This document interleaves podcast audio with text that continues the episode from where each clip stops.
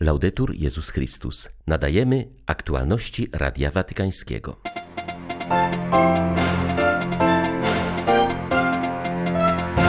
Papież przypominał pięknie sakramentu małżeństwa. Mówi o tym w intencji modlitewnej na czerwiec oraz w filmie z okazji Roku Rodziny. Wszystkie małżeństwa mogą być święte, podkreśla Franciszek. Ojciec Święty zaostrzył i doprecyzował sankcje karne kodeksu prawa kanonicznego. Stolica Apostolska jest od wczoraj państwem obserwatorem Światowej Organizacji Zdrowia. To wyraz uznania dla kościelnej służby zdrowia. W samych Stanach Zjednoczonych zatrudnia ona ponad pół miliona osób, mówi arcybiskup Iwan Jurkowicz. 1 czerwca witają Państwa ksiądz Krzysztof Ołdakowski i Krzysztof Bronk. Zapraszamy na serwis informacyjny. Każde małżeństwo może być święte, jeśli tylko tego pragnie, mówi papież w trzecim już filmie przygotowanym z okazji trwającego obecnie roku rodziny Amoris Leticia. Tym razem Franciszek komentuje świadectwo rodziny z Tajwanu. Doświadczyło ono łaski potomstwa pomimo zdiagnozowanej uprzednio niepłodności. Po 31 latach małżeństwa odkryliśmy, że dzięki łasce sakramentu małżeństwa wszystko jest możliwe z Jezusem, wyznaje ojciec rodziny Antonio. Przyznaje, że dzięki mocy Ducha Świętego udało mu się zaakceptować ograniczenia członków rodziny i nauczyć się ich słuchać, a także uznać rodzinę za swój priorytet. Z tego względu zrezygnował z pracy w Chinach, aby spędzać więcej czasu wśród najbliższych. Był to dla niego trudny kompromis, ale przyznaje, że była to trafna decyzja. Małżonkowie z ponad 30-letnim stażem dzielą się także radością swoich dzieci. Najstarsze z nich założyły już własne rodziny, a ich współmałżonkowie przyjęli przed ślubem chrzest. Odnosząc się do historii tego małżeństwa, Franciszek wskazuje na znaczenie rodzin w misji Kościoła. Nazywa je filarem ewangelizacji. Chcę Wam powiedzieć jedną rzecz. Poprzez sakrament małżeństwa każda rodzina utrzymuje łaskę, by stać się światłem pośród ciemności świata. Znacie jakichś świętych małżonków? Trwa wiele procesów beatyfikacyjnych świętych małżeństw. Świętych jako małżonkowie, świętych razem, zarówno mąż, jak i żona. Normalni ludzie, zwyczajni, którzy w swym małżeństwie dali świadectwo o miłości Jezusa. Każde z waszych małżeństw może być święte, jeśli tylko tego pragniecie. Wy, małżonkowie, jesteście jak osoby konsekrowane, jesteście ważni w budowaniu Kościoła. Każda rodzina jest dobrem, jest siłą Kościoła. Piękno daru, który rodzi się w rodzinie, radość z życia, które się rodzi, opieka nad małymi i starszymi. Wszystko to sprawia, że każda rodzina jest niezastąpiona, nie tylko w kościele, ale i w społeczeństwie. To właśnie dlatego Kościół jest rodziną rodzin, wzbogaconą wkładem każdego z Was. W intencji modlitewnej na miesiąc czerwiec papież zauważa, że małżeństwo, które stanowi wielkie marzenie Boga dla człowieka, jest wspaniałą przygodą na całe życie. Mężowi i żonie każdego dnia towarzyszy Jezus, który jest oparciem w ponurych i trudnych dniach wspólnej podróży. Małżeństwo jest również związkiem trwającym. To moc sakramentu, z której można czerpać jak ze źródła, aby kochać, przebaczać i otwierać serce na potrzeby innych. Franciszek poleca również, aby modlić się za stojących w obliczu decyzji o zawarciu małżeństwa, aby dobrze się do niego przygotowali. Ojciec Święty zapewnia, że małżeństwo wcale nie wyszło z mody i że jego czasy nie minęły. Ważne, aby nie obawiać się zawierzyć wspólnej przyszłości Bogu, który zawsze nam towarzyszy. Es cierto eso que dicen algunos no Czy to prawda, co niektórzy mówią, że młodzi ludzie nie chcą się żenić, szczególnie w tych trudnych czasach? Zawarcie małżeństwa i dzielenie życia to piękna rzecz. Jest to podróż pełna zaangażowania. Czasem trudna, czasem skomplikowana, ale warto ją podjąć. W tej podróży przez całe życie żona i mąż nie są sami. Towarzyszy im Jezus. Małżeństwo nie jest tylko aktem społecznym. Jest powołaniem, które wypływa z serca. Jest świadomą decyzją na całe życie, która wymaga szczególnego przygotowania. Proszę, nigdy o tym nie zapominajcie. Bóg ma dla nas marzenie, miłość i prosi, abyśmy uczynili je naszym. Uczyńmy naszą miłość, która jest marzeniem Boga. Módlmy się też za młodych ludzi, którzy przygotowują się do małżeństwa przy wsparciu wspólnoty chrześcijańskiej, aby wzrastali w miłości, aby wzrastali w miłości wielkodusznej, wiernej i cierpliwej, bo do miłości trzeba mieć dużo cierpliwości. Ale warto, nieprawdaż? Pero vale la pena.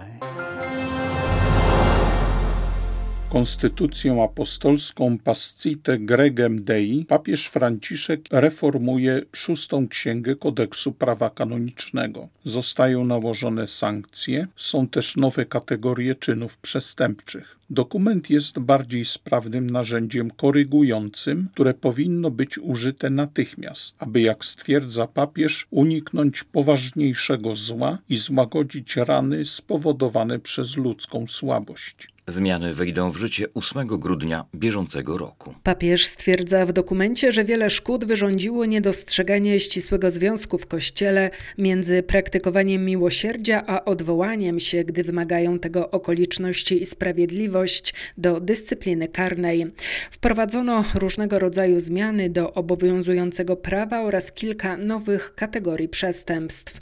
Ponadto tekst, wyjaśnia papież, został poprawiony z technicznego punktu widzenia zwłaszcza w odniesieniu do podstawowych aspektów prawa karnego, takich jak prawo do obrony, przedawnienie, bardziej precyzyjne określenie kar, oferując obiektywne kryteria w określaniu najwłaściwszej kary, jaką należy zastosować w konkretnym przypadku, ograniczając dyskrecjonalność władzy, aby zachęcić do jedności kościelnej w stosowaniu kar, zwłaszcza w przypadku przestępstw, które powodują większe szkody i zgorszenie we wspólnocie.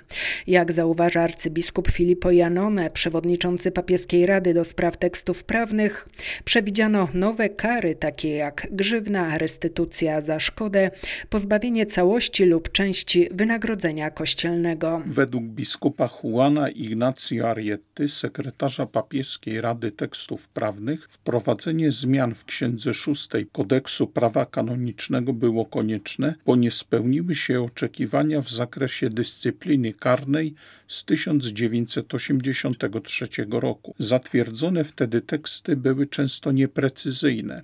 Przede wszystkim dlatego, że wierzono, iż poszczególni biskupi i przełożeni, których zadaniem było stosowanie dyscypliny karnej, lepiej określą, kiedy i jak karać w najbardziej odpowiedni sposób. Następnie, jako ostatnia nowość, przestępstwo znęcania się nad dziećmi zostało ujęte nie w ramach przestępstw przeciwko szczególnym obowiązkom duchownych, ale jako przestępstwo przeciwko godności osoby. Nowy kanon obejmuje więc w tym względzie czyny dokonane nie tylko przez duchownych, którzy, jak wiemy, należą do zastrzeżonej jurysdykcji Kongregacji Nauki Wiary, ale także przestępstwa tego rodzaju popełnione przez zakonników niebędących duchownymi i przez świeckich, którzy pełnią pewne funkcje w Kościele, jak również wszelkie tego rodzaju zachowania z udziałem osób dorosłych, ale popełnione z użyciem przemocy lub nadużyciem władzy. Stolica Apostolska jest od wczoraj państwem obserwatorem Światowej Organizacji Zdrowia. Decyzję w tej sprawie podjęto na zgromadzeniu tej organizacji. Stolica Apostolska już wcześniej uczestniczyła w obradach Światowej Organizacji Zdrowia i jej organów, ale każdorazowo na zaproszenie jej dyrektora generalnego. Zdaniem arcybiskupa Iwana Jurkowicza, który jest watykańskim dyplomatą przy instytucjach międzynarodowych w Genewie, wczorajsza decyzja Światowej Organizacji Zdrowia jest uznaniem ogromnej roli, jaką odgrywa Kościół katolicki w służbie zdrowia i to nie tylko w krajach ubogich. Nie możemy zapomnieć, że większość kościelnych placówek służby zdrowia i opieki społecznej znajduje się w krajach rozwiniętych, w Europie, w USA. Pomyślmy, że w samych Stanach Zjednoczonych katolicki system służby zdrowia i opieki społecznej zatrudnia na pełnym etacie pół miliona pracowników i dodatkowych 300 tysięcy osób na część etatu. Podobnie jest również w takich krajach jak Niemcy, Hiszpania czy Włochy. Również we Francji jest wiele takich ośrodków. A zatem dotyczy to nie tylko krajów rozwijających się, lecz również świata dobrobytu, gdzie Kościół był zawsze obecny na tym polu. Formie wirtualnej rozpoczęło się dzisiaj zgromadzenie ogólne papieskich dzieł misyjnych. W centrum obrad znajdą się najpilniejsze potrzeby kościołów misyjnych. Jak mówi Radiu Watykańskiemu przewodniczący tej instytucji, uczestnicy zgromadzenia zajmą się też wyzwaniami, które stawia pandemia. Jak zastrzega arcybiskup Giovanni Pietro Daltozo, nie chodzi tu o konsekwencje natury społecznej, lecz duszpasterskiej. Naszym głównym charyzmatem, papież bardzo to podkreśla, jest modlitwa za misję ofiary na misję, ale nie jedynie finansowe, lecz także ofiara z siebie, z własnego cierpienia. Jednakże ważna jest również pomoc finansowa, bo każda dusza potrzebuje ciała, a zatem także działalność Kościoła na terenach misyjnych potrzebuje wsparcia finansowego. Papież podkreśla także, że mamy być na służbie Kościoła lokalnego. Nie jesteśmy instytucją centralną, która zarządza na odległość, ale naszym charyzmatem od samego początku jest pomaganie wiernym przeżywać misyjny wymiar swojej wiary. A zatem służymy kościołom lokalnym, by wszyscy wierni zostali przygotowani do bycia misjonarzami.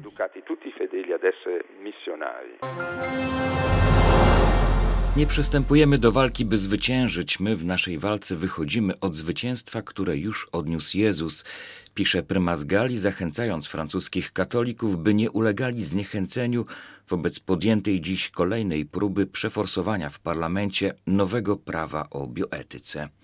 Tych, którzy są już znużeni przeciągającymi się zmaganiami w obronie życia, dziecka i rodziny, zapewnia, że zwycięstwo leży po stronie miłości i życia. Główną nowością, którą ma wprowadzić prawo o bioetyce, jest udostępnienie zapłodnienia in vitro parom lesbijskim i samotnym kobietom, co oznacza w praktyce, że niektóre dzieci z góry zostaną pozbawione prawa do ojca. Ambicje twórców nowego prawa są jednak o wiele większe. Pierwsze projekty prawa przyjęte przez Izbę Deputowanych w 2019 i w 2020 roku przewidywały możliwość tworzenia chimer ludzko-zwierzęcych, embrionów transgenicznych oraz sztucznych gamet. Parlament jest w tych kwestiach dość podzielony i trudno przewidzieć, jaki będzie finał tej sprawy. Dla arcybiskupa Oliviera de Germe wszystkie te propozycje to przejaw fascynacji postępem technicznym, pokusa, aby zezwolić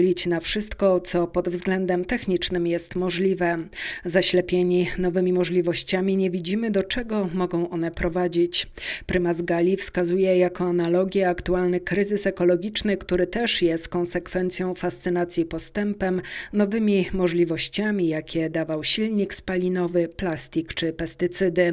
Dziś wiemy już, jak bardzo ten postęp przyczynił się do naruszenia równowagi w przyrodzie i bioróżnorodności. Arcybiskup de Germain zauważa, że podobny błąd można dziś popełnić w podejściu do człowieka. Tym razem stawką nie jest przyroda, lecz my sami. Dlatego potrzebujemy ekologii integralnej, chroniącej również istotę ludzką. Arcybiskup Lyonu wskazuje też na drugie podłoże forsowanych we francuskim parlamencie zmian w prawie o bioetyce. Jest nim fascynacja wszechmocą ludzkiej woli, która nie liczy się z dobrem człowieka. To stąd bierze się zgoda na spełnienie wszystkich zachcianek pod jednym jedynie pretekstem, że przecież nauka potrafi już sobie z tym poradzić. Były to aktualności Radia Watykańskiego. Laudetur Jezus Chrystus.